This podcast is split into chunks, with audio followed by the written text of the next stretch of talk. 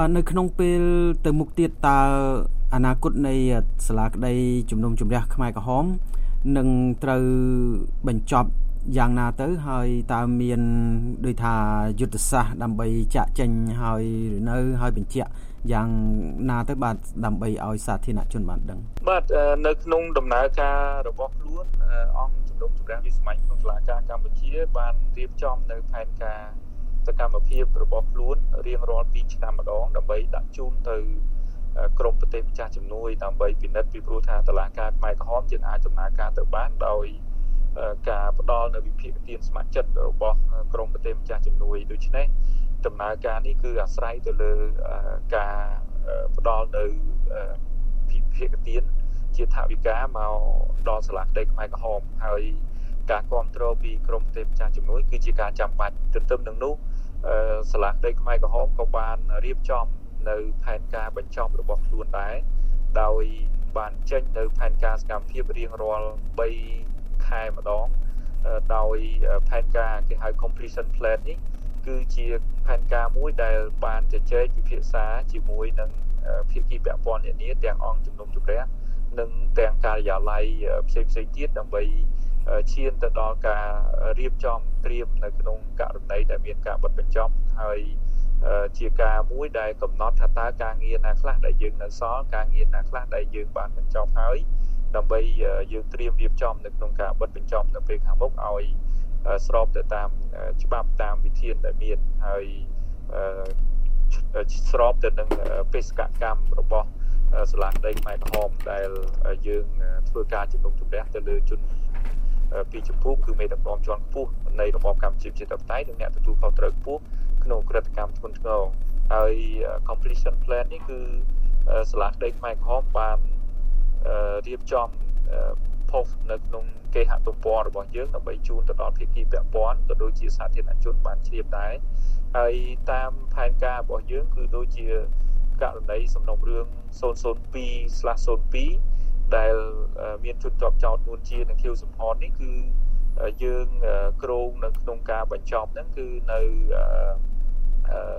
ខមាសទី4ឆ្នាំ2020ខាងមុខឬក៏អាចឆមាសទី1ឆ្នាំ2021ដែលអាស្រ័យទៅលើពេលវេលាពីព្រោះថាសំណុំរឿង002ស្លាស់02នេះគឺជាសំណុំរឿងដែលធំកម្រាស់ទំព័រនៃ សាលក្រមហ្នឹងគឺរហូតដល់4000ទំព័រសម្រាប់ភាសាខ្មែរភាសាអង់គ្លេស2600ភាសាបារាំង2700ទំព័រអញ្ចឹងគឺភាគីពាក់ព័ន្ធនានាត្រូវការពិនិត្យនិងអានរាល់ទំព័រទាំងអស់ដើម្បីឲ្យដឹងថាតើចំណុចណាដែលខ្លួនត្រូវ ធ្វើការបដិងសារទុកហើយខ្ញុំបាទសូមជំរាបថាបច្ចុប្បន្នភាពនៃសំណុំរឿង002ស្លាស់02នេះគឺកំពុងតែស្ថិតនៅក្នុងដំណាក់កាលនៃការបដិងសារទុកដោយភាគីមានជនជាប់ចោតនួនជានិងឃីវសំផនហើយនឹងព្រះរាជអាជ្ញានៅក្នុងការជូនដំណឹងទៅអង្គជំនុំជម្រះតុលាការកំពូលអំពីបណ្ដឹងសារទុករបស់ខ្លួនហ្នឹងគឺក្រមមេធាវីរបស់លោកនួនជា បានបណ្ដឹងជំទាស់ហើយសុំធ្វើមោគភាពទៅលើសារក្រមទាំងមូលតែម្ដងចំណែកឯក្រមមេធាវីរបស់លោកគីវលោកគីវសំផនគឺបានបណ្ដឹងជំទាស់ដោយឲ្យអង្គជំនុំជម្រះនឹងពិចារណាឡើងវិញនៅក្នុងការកាត់បន្ថយការផ្ដន់ទាទោសទៅលើលោកឃីវសំផនឬក៏ឈានទៅដល់គឺនឹងធ្វើមោមោគភាពទៅលើការចោទប្រកាន់ទៅលើអីហ្នឹងបើសិនជា មិនអាចមោគភាពបានទេគឺសូមឲ្យពិចារណាទៅលើការបន្ថយទោសទណ្ឌទៅលើលោកឃីវសំផនគឺកាត់បន្ថយពីមួយជីវិតមកដល់កម្រិតនៃឆ្នាំណាមួយចឹងបាទហើយដំណើរការនេះគឺយើងព្រមចឹងហើយសម្រាប់សំណុំរឿងដែលនៅសេសសល់សំណុំរឿង03និង04ហ្នឹងគឺយើងនឹងពឹងថានឹងមានសាលដីកាពីអង្គបរិយាជំនុំជម្រះយ៉ាងយូរត្រឹមត្រីមាសទី2ឆ្នាំ2020បាទបាទ ហើយជននៅពេលនេះតើដូចជាជនរងគ្រោះវិញតើពួកគាត់យ៉ាងណាពីព្រោះថាដូចជាមានការលូរទាំខ្លះថាយុទ្ធធរហ្នឹងវាយឺតពេលហើយមិនសមនឹងបានទទួលប៉ុណ្ណេះឬក៏អីអញ្ចឹងតើសាលាក្តីមានកម្រងការបញ្យលយ៉ាងម៉េចដើម្បីជាផ្នែកមួយនៃការដូចថាផ្សះផ្សាផ្លូវចិត្តផងហើយនឹងធ្វើឲ្យមានភាពស្ងប់ចិត្តអំពីរឿងហ្នឹងបាទ ពាក់ព័ន្ធជាមួយនឹងជនរងគ្រោះគឺ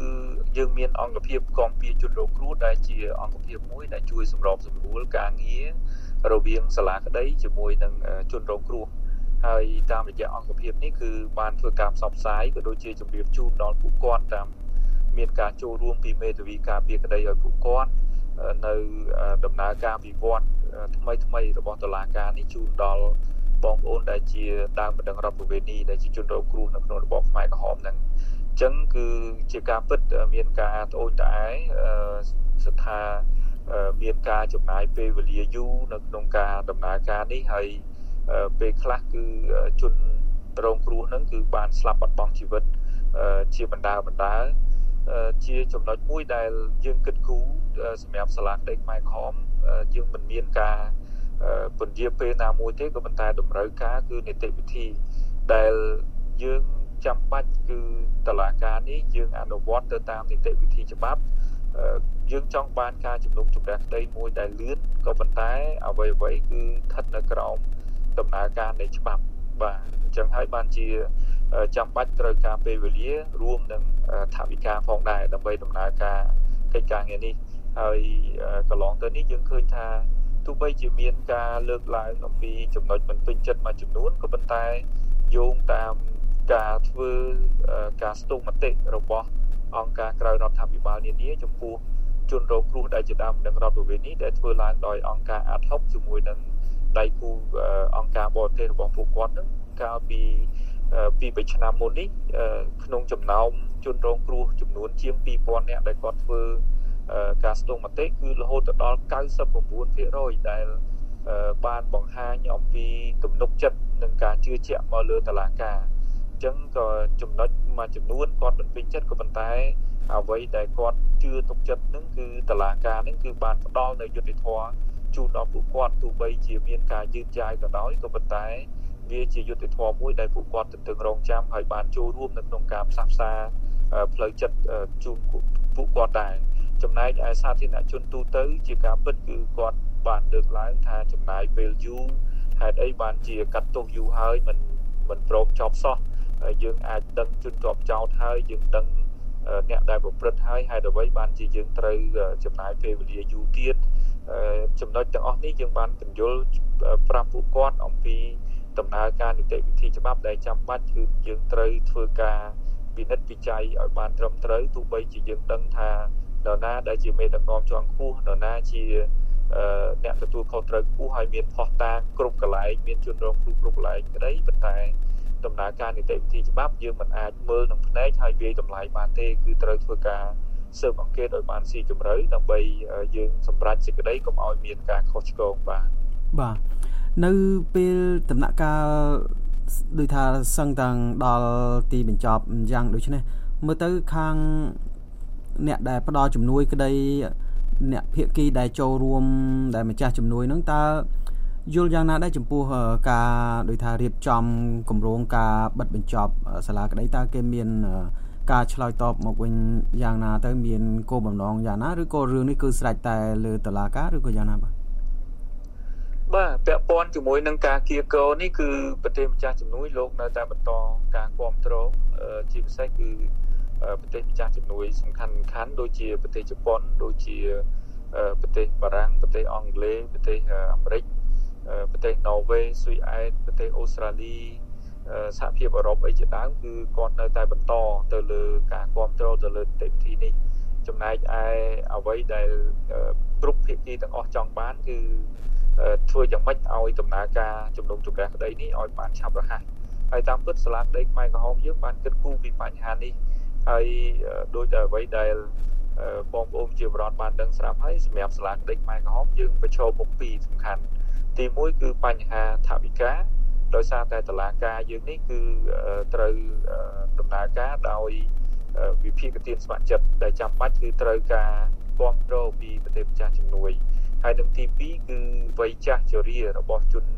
ជាប់ចោតក៏ជាផ្នែកមួយនៃក្តីកង្វល់របស់យើងដែរហើយដូច្នេះហើយបានជា សាលាក្តីខ្មែរក្រហមនេះយើងដំណើរការហ្នឹងគឺពន្លឿនដំណើរការនីតិវិធីប៉ុន្តែត្រូវស្ថិតនៅក្រោមច្បាប់ត្រឹមត្រូវមួយមិនអាចថាពន្លឿនក៏ប៉ុន្តែវារំលោភច្បាប់រំលោភសិទ្ធិទៅលើភាគីពាក់ព័ន្ធនានាដំណើរការជំនុំជម្រះក្តីមិនយុត្តិធម៌នឹងក៏យើងមិនអាចធ្វើទៅកើតដែរអញ្ចឹងគឺការគ្រប់គ្រងនេះគឺក្រមប្រទេសម្ចាស់ជំនួយគាត់មានការយោគយល់ហើយអនុញ្ញាតឲ្យ អង្គជំនុំជម្រះរៀបចំនៅផែនការរបស់ខ្លួននេះស្របទៅតាមនីតិវិធីច្បាប់ត្រឹមត្រូវបាទបាទជួយឲ្យចំណាយការចំណាយថវិកាទៅដល់សាលាក្តីខ្មែរក្រហមតាំងពីដើមមកដល់ពេលនេះតើចំណាយអស់ប្រមាណហើយភាគីណាខ្លះដែលចូលរួមបាទបាទរហូតមកដល់ពេលនេះគឺអឺថាវិការទទួលបានពីបណ្ដាប្រទេសផ្ដល់ជំនួយមានចំនួនសរុបជាង308លានដុល្លារអាមេរិក ដែលក្នុងនោះគឺថាវិការចំនួន225លានដុល្លារអាមេរិកសម្រាប់ភាគីអន្តរជាតិនិងចំនួន83លានដុល្លារអាមេរិកសម្រាប់ភាគីជាតិហើយរាជរដ្ឋាភិបាលកម្ពុជាបានរួមចំណែកជាថវិកាសម្រាប់សរុបប្រមាណជា34លានដុល្លារអាមេរិកដែលជាប់ចំណាត់ថ្នាក់លេខ2បន្ទាប់ពីជប៉ុនជប៉ុនបានផ្ដល់ថវិកាមកកាន់សាលាក្តីខ្មែរក្រហមនេះចាប់តាំងពីដំណើរការរហូតមកដល់ពេលនេះគឺចំនួនថវិកានឹងគឺ87លានដុល្លារអាមេរិកហើយ ហើយបើគិតរួមទាំងការផ្ដល់ជាសម្ភារៈរាជរដ្ឋាភិបាលកម្ពុជាបានរួមចំណែកគិតជាទឹកប្រាក់រហូតដល់51លានដុល្លារអាមេរិកហើយសម្រាប់ឆ្នាំ2019នេះរាជរដ្ឋាភិបាលកម្ពុជាបានផ្ដល់ថវិកាចំនួន3.9លានដុល្លារអាមេរិកដែលស្មើនឹង72%នៃផែនការថវិកាដែលបានអនុម័តហើយជារៀងរាល់ឆ្នាំគឺរាជរដ្ឋាភិបាលកម្ពុជាបានត្រួតត្រង100%នៃ ចំណាយប្រតិបត្តិការទូទៅរបស់សាលាក្តីនិងផ្ដល់ប្រាក់បៀវត្សយ៉ាងតិចគឺ6ទៅ7ខែដល់បុគ្គលិកជាតិហើយសូមជំរាបថាថវិកាដែលត្រូវចំណាយនៅឆ្នាំ2019នេះគឺមានចំនួនជាង21លានដុល្លារអាមេរិកដែលនៅក្នុងនោះគឺភាគីអន្តរជាតិក្រុងនឹងចំណាយចំនួនជាង16លានហើយភាគីជាតិគឺក្រុងនឹងចំណាយថវិកាចំនួន5.3លានដុល្លារអាមេរិកបាទ